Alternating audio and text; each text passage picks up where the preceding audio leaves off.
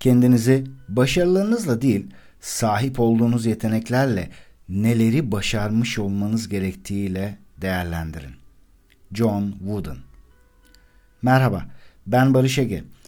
Bugün 17 Ocak 2022 Pazartesi ve saat tam 12.50. Kişisel Başarının İpuçları adlı serimizin bugün 18. bölümündeyiz ve biraz eylem planı üzerine konuşmak istiyorum. Neyin eylem planı? Elbette koyduğun bir hedefe ulaşmak adına yapman gereken eylem planı. Hedeflerin ne kadar önemli olduğunu daha önce birkaç farklı şekilde ifade etmeye çalıştım yaptığım kayıtlarla. Hatta bu kişisel başarının ipuçları adlı serinin, serinin ilk bölümünde geniş şekilde değerlendirdim, anlattım, onları dinledim mi bilmiyorum. Ardından hatta bir planın o hedefe ulaş ulaşmak adına yapılması gereken planın nasıl olması gerektiğine ilişkin de konuştuk. Ama üzerinden bir hayli geçti. Lifehack adlı sitede çok güzel bir yazı gördüm. 9 adımlık bir eylem planı. Ben bunu gerçi 6'ya düşürdüm. Hani 9'a gerek yok diye. Güzel bir listelenme, güzel bir analiz olmuş. Benim de çoğunlukla değindiğim konular. Ama burada bir kez daha sistemli bir şekilde üzerinden geçmekte fayda var. Neden? Yeni bir yıl geldi. Birçok insan için yeni yıl çok şey ifade ediyor ama benim hep üzüldüğüm bir şey işte 31 Aralık gecesi herkes eğlenir, zıplar, hoplar işte bir sürü işte yeni yıl şöyle olacak, böyle güzel olacak der. Ama hiçbir alışkanlığını değiştirmez. Gerçekçi hedefler koymaz. Hedef koysa bile 3-5 gün sonra motivasyonunu kaybeder Dolayısıyla yeni gelen yıl diğer yılın farklı bir tekrarı, yeni bir versiyonu gibi olur.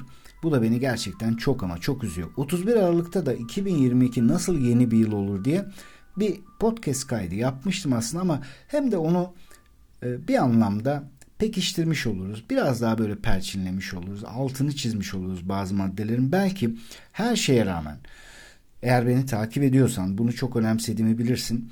Ama her şeye rağmen henüz yapmamış olabilirsin, fırsat bulamamış olabilirsin, eski alışkanlıklarından kurtulamamış olabilirsin. Halen geçmişin tutsaklığında yaşıyor olabilirsin, kendini yargılıyor olabilirsin, yetersiz görüyor olabilirsin, geçmiş başarısızlıklarının ya da başarısızlık olarak değerlendirdiğin şeylerin etkisinde kalmış olabilirsin.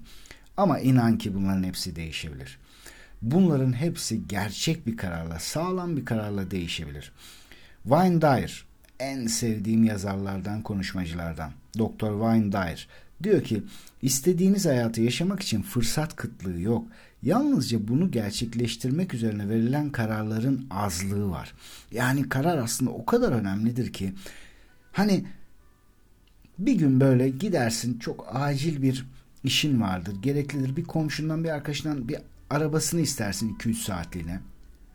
Ama vermez bir şekilde. Bir sebeple vermez. Ve o gün o kadar zoruna gider ki bir karar alırsın. Dersin ki ya benim neden arabam yok?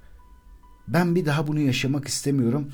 Bugünden itibaren bir şeyleri değiştirmek için çabalayacağım dersin. Bir karar alırsın. Ya da patronun bir gün sana öyle bir şey söyler ki o kadar ağırına gider ki artık ben bunu kabul etmeyeceğim dersin. Ya da herhangi bir farkındalık yaşarsın ve dersin ki yeter. İşte o anda öyle bir inançla dolarsın ki hücrelerine kadar, iyiliklerine kadar hissedersin. Böyle bir karar verdiğinde emin olabilirsin ki hayatında değiştiremeyeceğin hiçbir şey yok. Ama bu kararı verip bir hedef koyduktan sonra da elbette ki onu bir plana dökmek gerekiyor. Peki yola çıkmadan önce ilk yapmamız gereken ne? Birinci adım nedenini belirlemek. Girişteki aforizmayı bir kez daha tekrarlamak istiyorum. Bence çok güzel. Hatırlatayım öyle devam edelim. Kendinizi başarılarınızla değil, sahip olduğunuz yeteneklerle neleri başarmış olmanız gerektiğiyle değerlendirin. Ne kadar güzel bir söz. Aslında potansiyelimiz sınırsız. Aslında ortaya koyduğumuz performans asıl gücümüzün çok gerisinde. İşte bazı unsurları bir araya getirdiğimizde onu ortaya çıkarmak mümkün. Şimdi Nedenini belirlemek ne demek? Daha önce belirlediğin hedefleri düşün. Herhangi bir zaman diliminde küçük ya da büyük. Kısa vadeli, orta vadeli, uzun vadeli. Ve şimdi de ulaştığın ya da ulaşamadığın hedefleri düşün. Burada ortak bir tema fark edeceksin. Başarılı olmanın ve hedeflerinin bir amacı, başarılı olduğun dönemlerde o hedeflerinin bir amacı vardı. Yani ulaşabildiğin hedefin bir amacı, bir nedeni vardı. Yani altı boş değildi, doluydu altı altı boş olduğunda yani şunu yapacağım, bunu başaracağım, buraya ulaşacağım dediğinde neden sorusunun altını dolduramıyorsan muhtemelen o hedef ya unutuluyor ya böyle beyhude ufak tefek çabalarda kalıyor. Mesela bir patinaj çeken bir arabayı düşün. Hani böyle çamura saplandığında patinaj çeker. Yani teker dönmeye devam eder ama bir arpa boyu yol gidemez. Yol gidemez araba. Neden? Çünkü tekerin altı boştur. Gaza basarsın istediğin kadar yüklenirsin ama yine de o boşlukta döner. Sonra inersin arabadan. Mesela onun tekerin altına taş toplarsın, çakıl toplarsın, bir tahta parçası bulursun filan. Ondan sonra altını doldurursun ve basarsın gider. İşte neden? Bir anlamda biraz böyle bir şey. Dolayısıyla önceden başardığın herhangi bir hedefi düşün. Mutlaka onu başarmak için gerçekten bir nedenin vardı. Neden çok önemlidir. Yani şeyi düşün mesela olumsuz anlamda bile. Sabah böyle sıcacık yataktan nasıl kalkar insanlar? İstemedikleri halde, hoşlanmadıkları bir işe gitmek için bile, hatta nefret ettikleri bir işe gitmek için sabahın erken saatinde, sabahın köründe nasıl kalkar? Çünkü bir nedeni vardır ona göre kalkması gerekiyordur. Çünkü gitmezse işini kaybedebilir, işte e, başına hoşlanmadığı şeyler gelebilir vesaire. Bunun için böyle bir neden olduğundan ötürü her sabah hiç hoşlanmadığı hatta nefret ettiği bir işe gidebiliyorsa kişi bunun tersine pozitif anlamda kendisini motive edecek bir hedef şey özür diliyorum bir nedeni olsa insan neler başarmaz ki?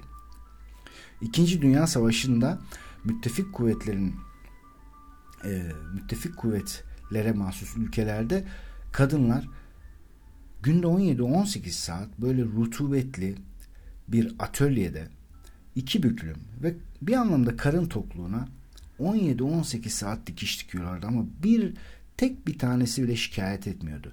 Neden biliyor musun?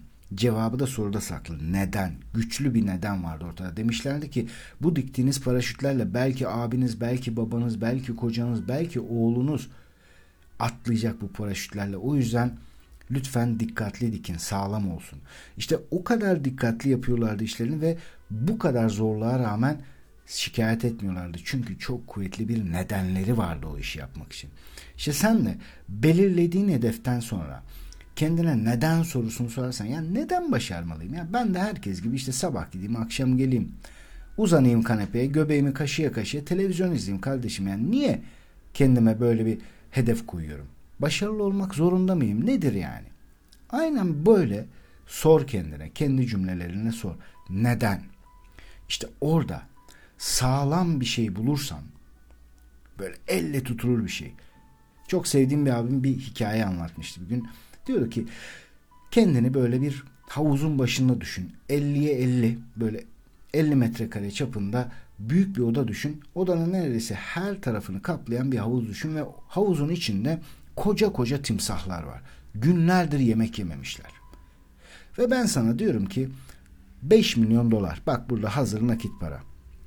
Havuzun bu başından atla, diğer tarafına çık, 5 milyon dolarını al. Ne yaparsın? Bugüne kadar bu soruya evet atlarım diyen, hemen atlarım diyen hiç kimseyi görmedim açıkçası. Orada timsahlar var yani ölüm tehlikesi var hatta ölme ihtimali çok yüksek. Ya 5 milyon değil 10 milyon olsa hiç kimsenin evet atlarım dediğini görmedim. Ama senaryoyu biraz değiştirelim dediğimizde yani havuzun tam karşısında diğer ucunda çok sevdiğin biri var. Kim geldi şu an aklına çok sevdiğin deyince? Çocuğun mu, kardeşin mi, sevgilin mi, annen mi, baban mı bilmiyorum. Ama farz et ki orada çok çok sevdiğin, çok değerli biri var. Havuza düşmek üzere ve senden yardım istiyor. Ben bunu ilk duyduğumda direkt oğlum aklıma gelmişti. Böyle bir durdum. iki tane oğlum var benim. Her ikisi de aklıma geldi. Böyle bir an hayal ettim. Dedim ki timsahların kafasına basa basa geçerim. Timsahların kafasına basa basa geçerim. Artık ortada öyle bir neden var ki her şeyi yapabilirim. Belki ölürüm ama geçerim. İşte bir nedenin olursa bir şeyi başarmak için kesinlikle ne yaparsın? Onu almadan, onu elde etmeden vazgeçmezsin. Böyle bir neden bul kendine. Oprah Winfrey diyor ki hedeflerinize ulaşmak istiyorsanız doğru ruh hali içinde başlamanız gerekir. Oprah Winfrey hayata 1, 2 belki 3 belki 5-0 geride başlamış bir kadın. Ama en zirve neresiyse oraya çıkmış. Her açıdan kariyer, para, kendiyle barışık olma, ilham verme, cesaret verme insanlar her açıdan en zirve neresiyse orada. Hedefine ulaşmak istiyorsan doğru bir ruh hali içinde başlamalısın diyor. Doğru ruh halinin karşılığı da işte budur. Sağlam bir neden. Ve bunu belirledikten sonra yapman gereken ne? Artık hedefini yazmalısın. Ya da hedeflerini bir tane olmak zorunda değil. 3, 5, 10 tane olsun istersen.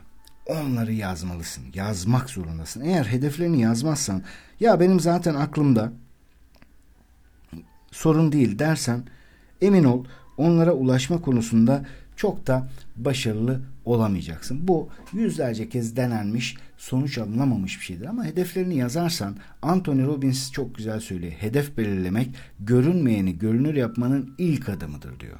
Görünmeyeni görünür yapmanın ilk adımıdır. Görünür yapmanın ilk adımı da yazmaktır. Al bir ajanda, al bir kağıt kalem, yaz. İstersen de elektronik ortamda yaz. Ama birçok araştırma kalem ile yazılan hedeflere ulaşma olasılığının %42 daha yüksek olduğunu gösteriyor. O yüzden lütfen hedefini yaz. Bundan sonra da başka önemli bir konu daha var. Bu hedefi Peter Drucker'ın e, teorik olarak ortaya attığı ve e, uygulandığında çok çok ciddi sonuçlar alınan bir ne var? Yöntem var. Smart hedef modeli. Yani smart hedef ne demek? Bazı kelimelerin baş harflerinden oluşuyor. Spesifik, mesurable, e, attainable, e, attainable, realistik, time based. Yani spesifik ne demek? Net olacak. İşte mesurable ölçülebilir, attainable ulaşılabilir, realistik gerçekçi olacak, time based yani süre verilmiş olacak. Açıkçası benim İngilizcem pek iyi değil. O yüzden bu kelimelerin bazılarını söylerken e, doğru telaffuz edememiş olabilirim. Onu da söyleyeyim. Hepimizin zayıf yanları olduğu gibi benim için de bu e, eksik bir yandır programımı almaya çalışıyorum. Şu an yazdığım kitap biter bitmez İngilizce ile ilgili de önemli adımlar atmak istiyorum. En azından bir tane yabancı dilim olsun diye. Şimdi bunun üzerine birazcık konuşalım. Daha önce anlatmıştım ama burada da yeri var. Daha önce Smart Hedefi e, ayrıntılarıyla her e, bir podcast kaydında anlatmıştım. Brian Lindsay çok güzel söylüyor. Bir yıldız olmak kariyerinizde, kaderinizde yazmıyor olabilir. Ama olabileceğinizin en iyisi olmak için koyacağın güzel bir hedefin mutlaka vardır diyor. Çok güzel bir söz. İşte o hedefi koy ama onu önce bir değerlendir yazdıktan sonra. Bu hedef spesifik mi? Yani çok net mi? Örneğin üniversiteyi kazanmak istiyorum. Bu asla bir hedef değil. Kesinlikle bir hedef değil. Ama Orta Doğu Teknik Üniversitesi elektrik elektronik e, mühendisliği bölümünü kazanmak istiyorum. Kazanacağım. Hazırlanıyorum vesaire. Bu bir hedef. Bir araba almak istiyorum. Asla ortada bir hedef yok. Sadece bir temenni. Ama işte en az 2019 model kırmızı bir Volvo S60 alacağım. Bak şimdi artık ortada bir hedef var. Net, spesifik, bir cümlede anlaşılıyor. Söylediğin anda gözünde bir şey canlanıyor. İşte bu kadar net olması çok önemli. İki, ölçülebilir. Ölçülebilir olmazsa yani sen bugün hedefini belirledin bir hafta geçti aradan bir şeyler yaptın ettin ve değerlendireceğiz. Bu bir haftada bir şeyler oldu mu? İlerleyebildin mi? Eğer bunu yapmadıysan bu sefer o bir hafta 10 gün 15 gün sonra acaba sen ilerledin mi? Hızın iyi mi? Yoksa yavaş mı gidiyorsun? Yoksa yerinde mi sayıyorsun? Bunu ne yapamayacağız? Bilemeyeceğiz. O yüzden de somut metrikler olması lazım. Yani verileri nasıl toplayacaksın? Nasıl ölçeceksin? Buna bakmak zorundasın. Aksi halde yani değerlendiremediğin şey senin elde edemeyeceğin şey oluyor. O yüzden de bunu değerlendirmesi. Yani örneğin kişi diyor ki işte ben 2022 yılında daha iyi bir baba olacağım. Güzel. De nasıl ölçeceğiz bunu? Yani neye göre ölçeceğiz? Elimize bir cetvel alıp ölçemeyiz değil mi? Ağırlığını tartarak ölçemeyiz. Ne yapacağız? Yani bir şey olması lazım. O zaman bunu şöyle ifade etsek mesela. Her gün çocuklarımla en az bir saat geçireceğim. Bak ne kadar net değil mi? Ölçülebilir. Bir hafta sonra baktık ajandana, günlüğüne vesaire yapmış mısın bunu? Evet yapmışsın. O zaman harika doğru gidiyorsun. Ama yapmadığın günler varsa demek ki ölçtük yeterli değil. Fakat daha iyi olmak için çabalayabilirsin. Ölçemedikten sonra bir anlamı yok. Ulaşılabilir. Yani ne demiştik? Attainable. Ulaşılabilir olması. Şimdi bugün senin gelirin aylık 5000 liraysa kalkıp da hani bir yıl sonrası için ayda bir milyon dolar kazanacağım gibi bir hedef koymanın anlamı yok değil mi? Yani büyük hedefler koymak güzel ama bir yıl içinde bunu yapamazsın. 5 yıl 6 yıl desen 10 yıl desen belki olabilir ama bir yıl içinde aylık gelirini 150-200 katına çıkarmak çok kolay değil. İmkansız değil ama çok kolay da değil.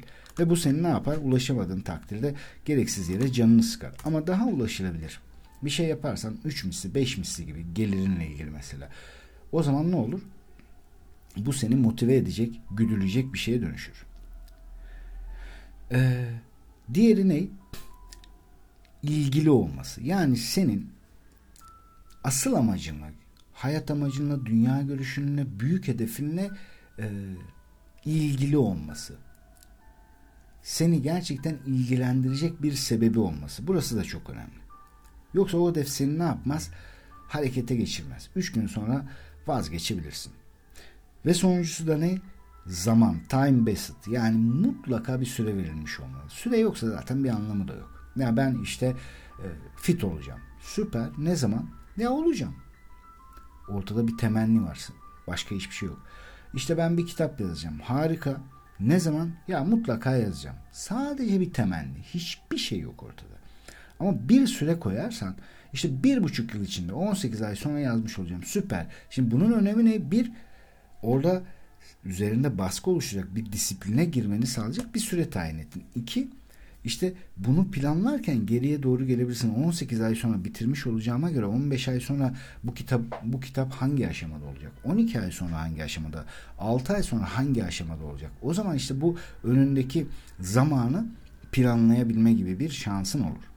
Les Brown en sevdiğim konuşmacılardan bir konuşmacılardan biri diyor ki hedefleriniz hayatınızda nelerin mümkün olduğu konusunda size yol gösteren haritalardır. O halde o haritayı en doğru şekilde oluştur ki seni istediğin yere götürsün. Üçüncü adım. Her seferde bir adım at.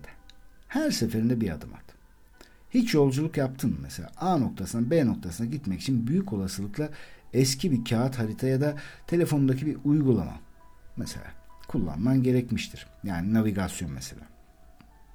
İşte aynen bunun gibi buradaki navigasyon örneği gibi e, eylem planına da uygulayabilirsin oradaki şeyi, şemayı. E, bir harita gibi düşün. Bir eylem planının da hedefine nasıl ulaşacağına ilişkin adım adım talimatları içermesi gerekiyor. 6 ay sonra şunu yapacağım. O zaman önümüzdeki bir hafta bu 6 aylık hedefin neyini gerçekleştirmiş olacaksın? Başka bir deyişle bunlar gitmen gereken ya da ulaşmana yardımcı olacak küçük hedeflerdir. Yani örneğin işte sen buradan karayoluyla Münih'e gideceksen Münih'ten önce ne yapacaksın? İşte ben Ankara'dayım. Mesela kendim için söyleyeyim. Benim hedefim karayoluyla atlayacağım araba Münih'e gideceğim. Almanya Münih. O zaman ne yapmam lazım? birkaç ara istasyon da olacak değil mi? Yani mola vereceğim, duracağım, arabamın yağına tuzuna bakacağım, kendim böyle biraz e, şey yapacağım, istirahat edeceğim vesaire. Nedir bu? İşte ilk molamı İstanbul'da vereceğim. Sonra işte bilmem sınırda işte Kapıkule'de vesaire e, duracağım. Sonra işte Romanya'da duracağım, şurada duracağım, burada duracağım gibi. Yani adım adım olması lazım. Hem burada yeterli hızla gidip gitmediğini, çok mu hızlı gidiyorsun yoksa çok mu yavaş gidiyorsun yahut da işte halen rotada mısın? Bunların hepsini ne yapabileceksin bu durumda? Tespit edebileceksin, değerlendirebileceksin, denetleyebileceksin ve devam ederken ne yapman gerektiğini hızlanacak mısın? Aynı süratle mi devam edeceksin? Hatta yavaşlayacak mısın? Yolunu mu değiştireceksin? Bunların hepsini belirlemek senin için ne olacak? Elbette ki kolaylaşacak. İşte o yüzden her seferinde bir adım atmak. Yani kısaca hedefi biraz daha küçük parçalara bölmek. Bu 6 aylık bir hedefse mesela haftalara bölebilirsin. 6 ay ne yapar? 24 hafta eder gibi. Ya da 180 gün eder. İşte pazar günleri çalışmayacaksan ne yaparsın o zaman? O pazar günlerini çıkarırsın aşağı yukarı işte ne olur? 24 tane pazar günü olur aşağı yukarı. O da ne yapar? 180 gün değil de işte 156 gün yapar gibi. O 156 günü tek tek planlayabilirsin. Dördüncüsü öncelik sırası. Bakın bak öncelik sırası belki de hayatının en önemli unsurlarından biridir. Bir öncelik sırası olmalı. Mutlaka olmalı. Yani 5 tane hedefin vardır ama hangisiyle başlayacaksın? En önemlisi hangisi? Ya da e, bugün işte sen bir mesaiye gidiyorsundur. Yani bu kendi hayatını iyileştirmek için koyduğun hedefin haricinde bir yapmak zorunda olduğun bir mesai vardır. O zaman kendini kandırıp da mesai içerisine kendi hedefine ilişkin adımlar koyma. Orada yapman gereken bir iş var. Hem dürüstlük açısından aldığın paranın karşılığında vermen gereken emek açısından hem de kendini zorlamanın alemi yok. Ne zamana koyacaksın o şeyi? E, hedefin için yapman gerekenleri mesainin dışına. Yani bir öncelik şeyi olması lazım. Günlük, haftalık ya da aylık olarak. Ya da genel anlamda düşündüğünde senin için hedefine ulaşmak adına yapılması zorunlu olan, mutlak olan nedir? O olmadığı sürece diğer eylemlerini anlamsız kılacak olan şey nedir? Daha önceki podcastlerimden belki hatırlarsın. Sürekli vermekten çok hoşlandığım bir örnek var. Çünkü direkt hani ne olduğu çok anlaşılır bir şekilde herkes tarafından e, nasıl söyleyeyim kabul görüyor. Çok somut bir örnek. Ve gerçek bir örnek. Bir kargo firması var. Lojistik firması. E, Birçok da şubesi var. Ve şubelerinin tamamında bir yazı asılı. Başlık şu. Şirketimizin 57 kuralı. 57 kuralı. Kural 1. Ürünü sağlam ve zamanında müşteriye teslim et. Kural 2. Geri kalan 56'sını dert etme. Gayet basit değil mi? Yani bir kargo firması için en önemli konu ürünü sağlam ve zamanında müşteriye teslim etmektir. Gerisi mesele değil. Kargo aracı çok temizmiş. Ama müşteriye ürün zamanında gitmemiş. Hiç önemli değil. İşte park kurallarına, trafik kurallarına dört dörtlük uymuş. Çok da önemli değil. İşte e, sinek kaydı tıraş olmuş, şapkası harikaymış, üstü başı ütülüymüş, bilmem tertemizmiş filan. Hayır. Ben bir müşteri olarak mesela bana adam ürünümü zamanında getirsin de isterse ayağında terlikle mi getiriyor, şortla mı geliyor çok önemli değil. Ama zamanında getirmiyor. Ertesi gün getiriyor. Gecikmeli getiriyorsa da kimin getirdiği, ne kadar iyi giyindi, ne yaptığı hiç önemli değil. Dolayısıyla sen de en büyük önceliğin neyse ona bakacaksın. Aksi halde ne olur? İşlerin hep karışır. Hedefine ilerliyormuş gibi görünürsün ama bir türlü ne yapamazsın? Aslında ilerleyemezsin. Beşincisi neydi? Beşincisi neydi daha doğrusu? İyi alışkanlıklar. Şimdi bir hedefi başaracak kişiyi düşün. Herhangi bir hedef. Aklına mutlaka iyi bir profil gelir. Ama fit bir insan gelir ama böyle işte pozitif biri gelir, güler yüzlü biri gelir ama işte bilgili, araştıran, okuyan biri gelir. İşte zinde biri gelir mesela. Zihinsel ve vücut, zihinsel ve bedensel olarak zinde biri gelir. Böyle baktığın zaman atletik bir şeyi vardır, duruşu vardır gibi gibi. Yani sağlıklı alışkanlıklar demek aslında genel olarak iyi alışkanlıklar demek genel olarak nedir? Bizi ayakta tutacak, odağımızı etkilemeyecek alışkanlıklardır. Yani sen spor salonuna gidiyorsundur sürekli ama bir taraftan da öğlen, akşam derken böyle hamburgerdi, cipsti, hele ki böyle bunlar ayda yılda bir olsa belki e, tolere edilebilir ama sürekli yapıyorsan o zaman bu nedir? Senin için kötü bir alışkanlıktır. Ha, belki bazıları şunu diyor. Ya hocam sonuçta ya ben iyi para kazanıyorum hani bu kadar da versin yani. İşte hamburger yesem, cips yesem, sürekli kola içsem ne olur? Evet belki çok bir şey olmaz. Belki seni hedefinden aman aman uzaklaştırmaz. Fakat bugün uzaklaştırmıyorsa 3 yıl sonra, 5 yıl sonra bir şekilde ne yapacak? Sende tesirini gösterecek. Mühim olan nedir? Bütünsel bir sağlıktır. Mühim olan nedir? Bütünsel iyi alışkanlıklardır. Tabii ki bu zevklerinden mahrum kalmanın anlamında değil. Ama şunu düşünmek zorundasın. Yani yarın sabah 7'de kalkman gerekiyorsa programına göre e, gecenin ikisine kadar oturmamalısın. İyi alışkanlıkların içinde güzel bir uyku da vardır. İyi alışkanlıkların içinde günde en azından onar dakika sabah ve akşam ya da günün işte herhangi bir iki saatinde sana en uygun iki saatinde onar dakika Tamamen sessizlik. Tam bir sessizlik.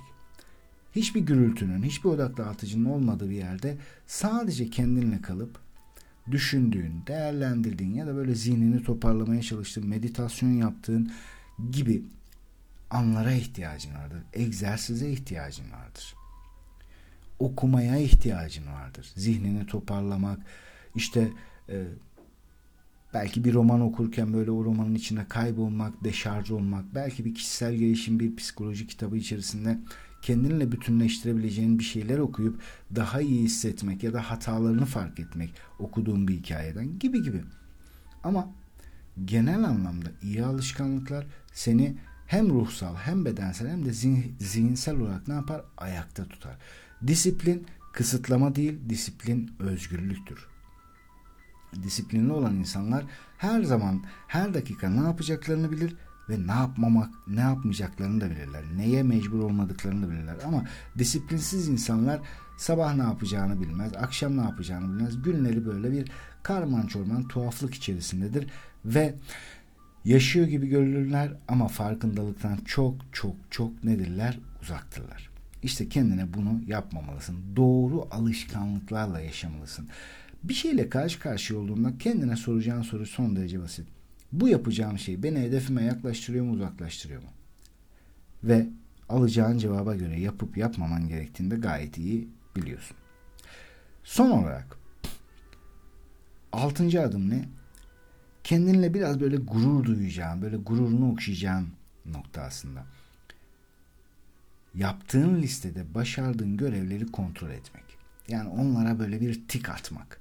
Evet bugün 3 tane görev vermiştim kendime başardım. İşte biri egzersizdi örneğin biri kitap okumaktı biri de hedefimle ilişkili nedir diyelim ki işte e, gelirini arttırmakla ilgili bir hedefim vardı ve sen bunun için ne yaptın? Bir plan yaptın ve daha fazla müşteri ziyaret etme ya da daha fazla müşteriyle telefonda yahut mail yoluyla iletişime geçme hedefi koymuştun. Ne yaptın? Mesela bunu gerçekleştirdin. Eskiden günde ortalama 20 müşteri ya da potansiyel müşteriye mail atıyordun.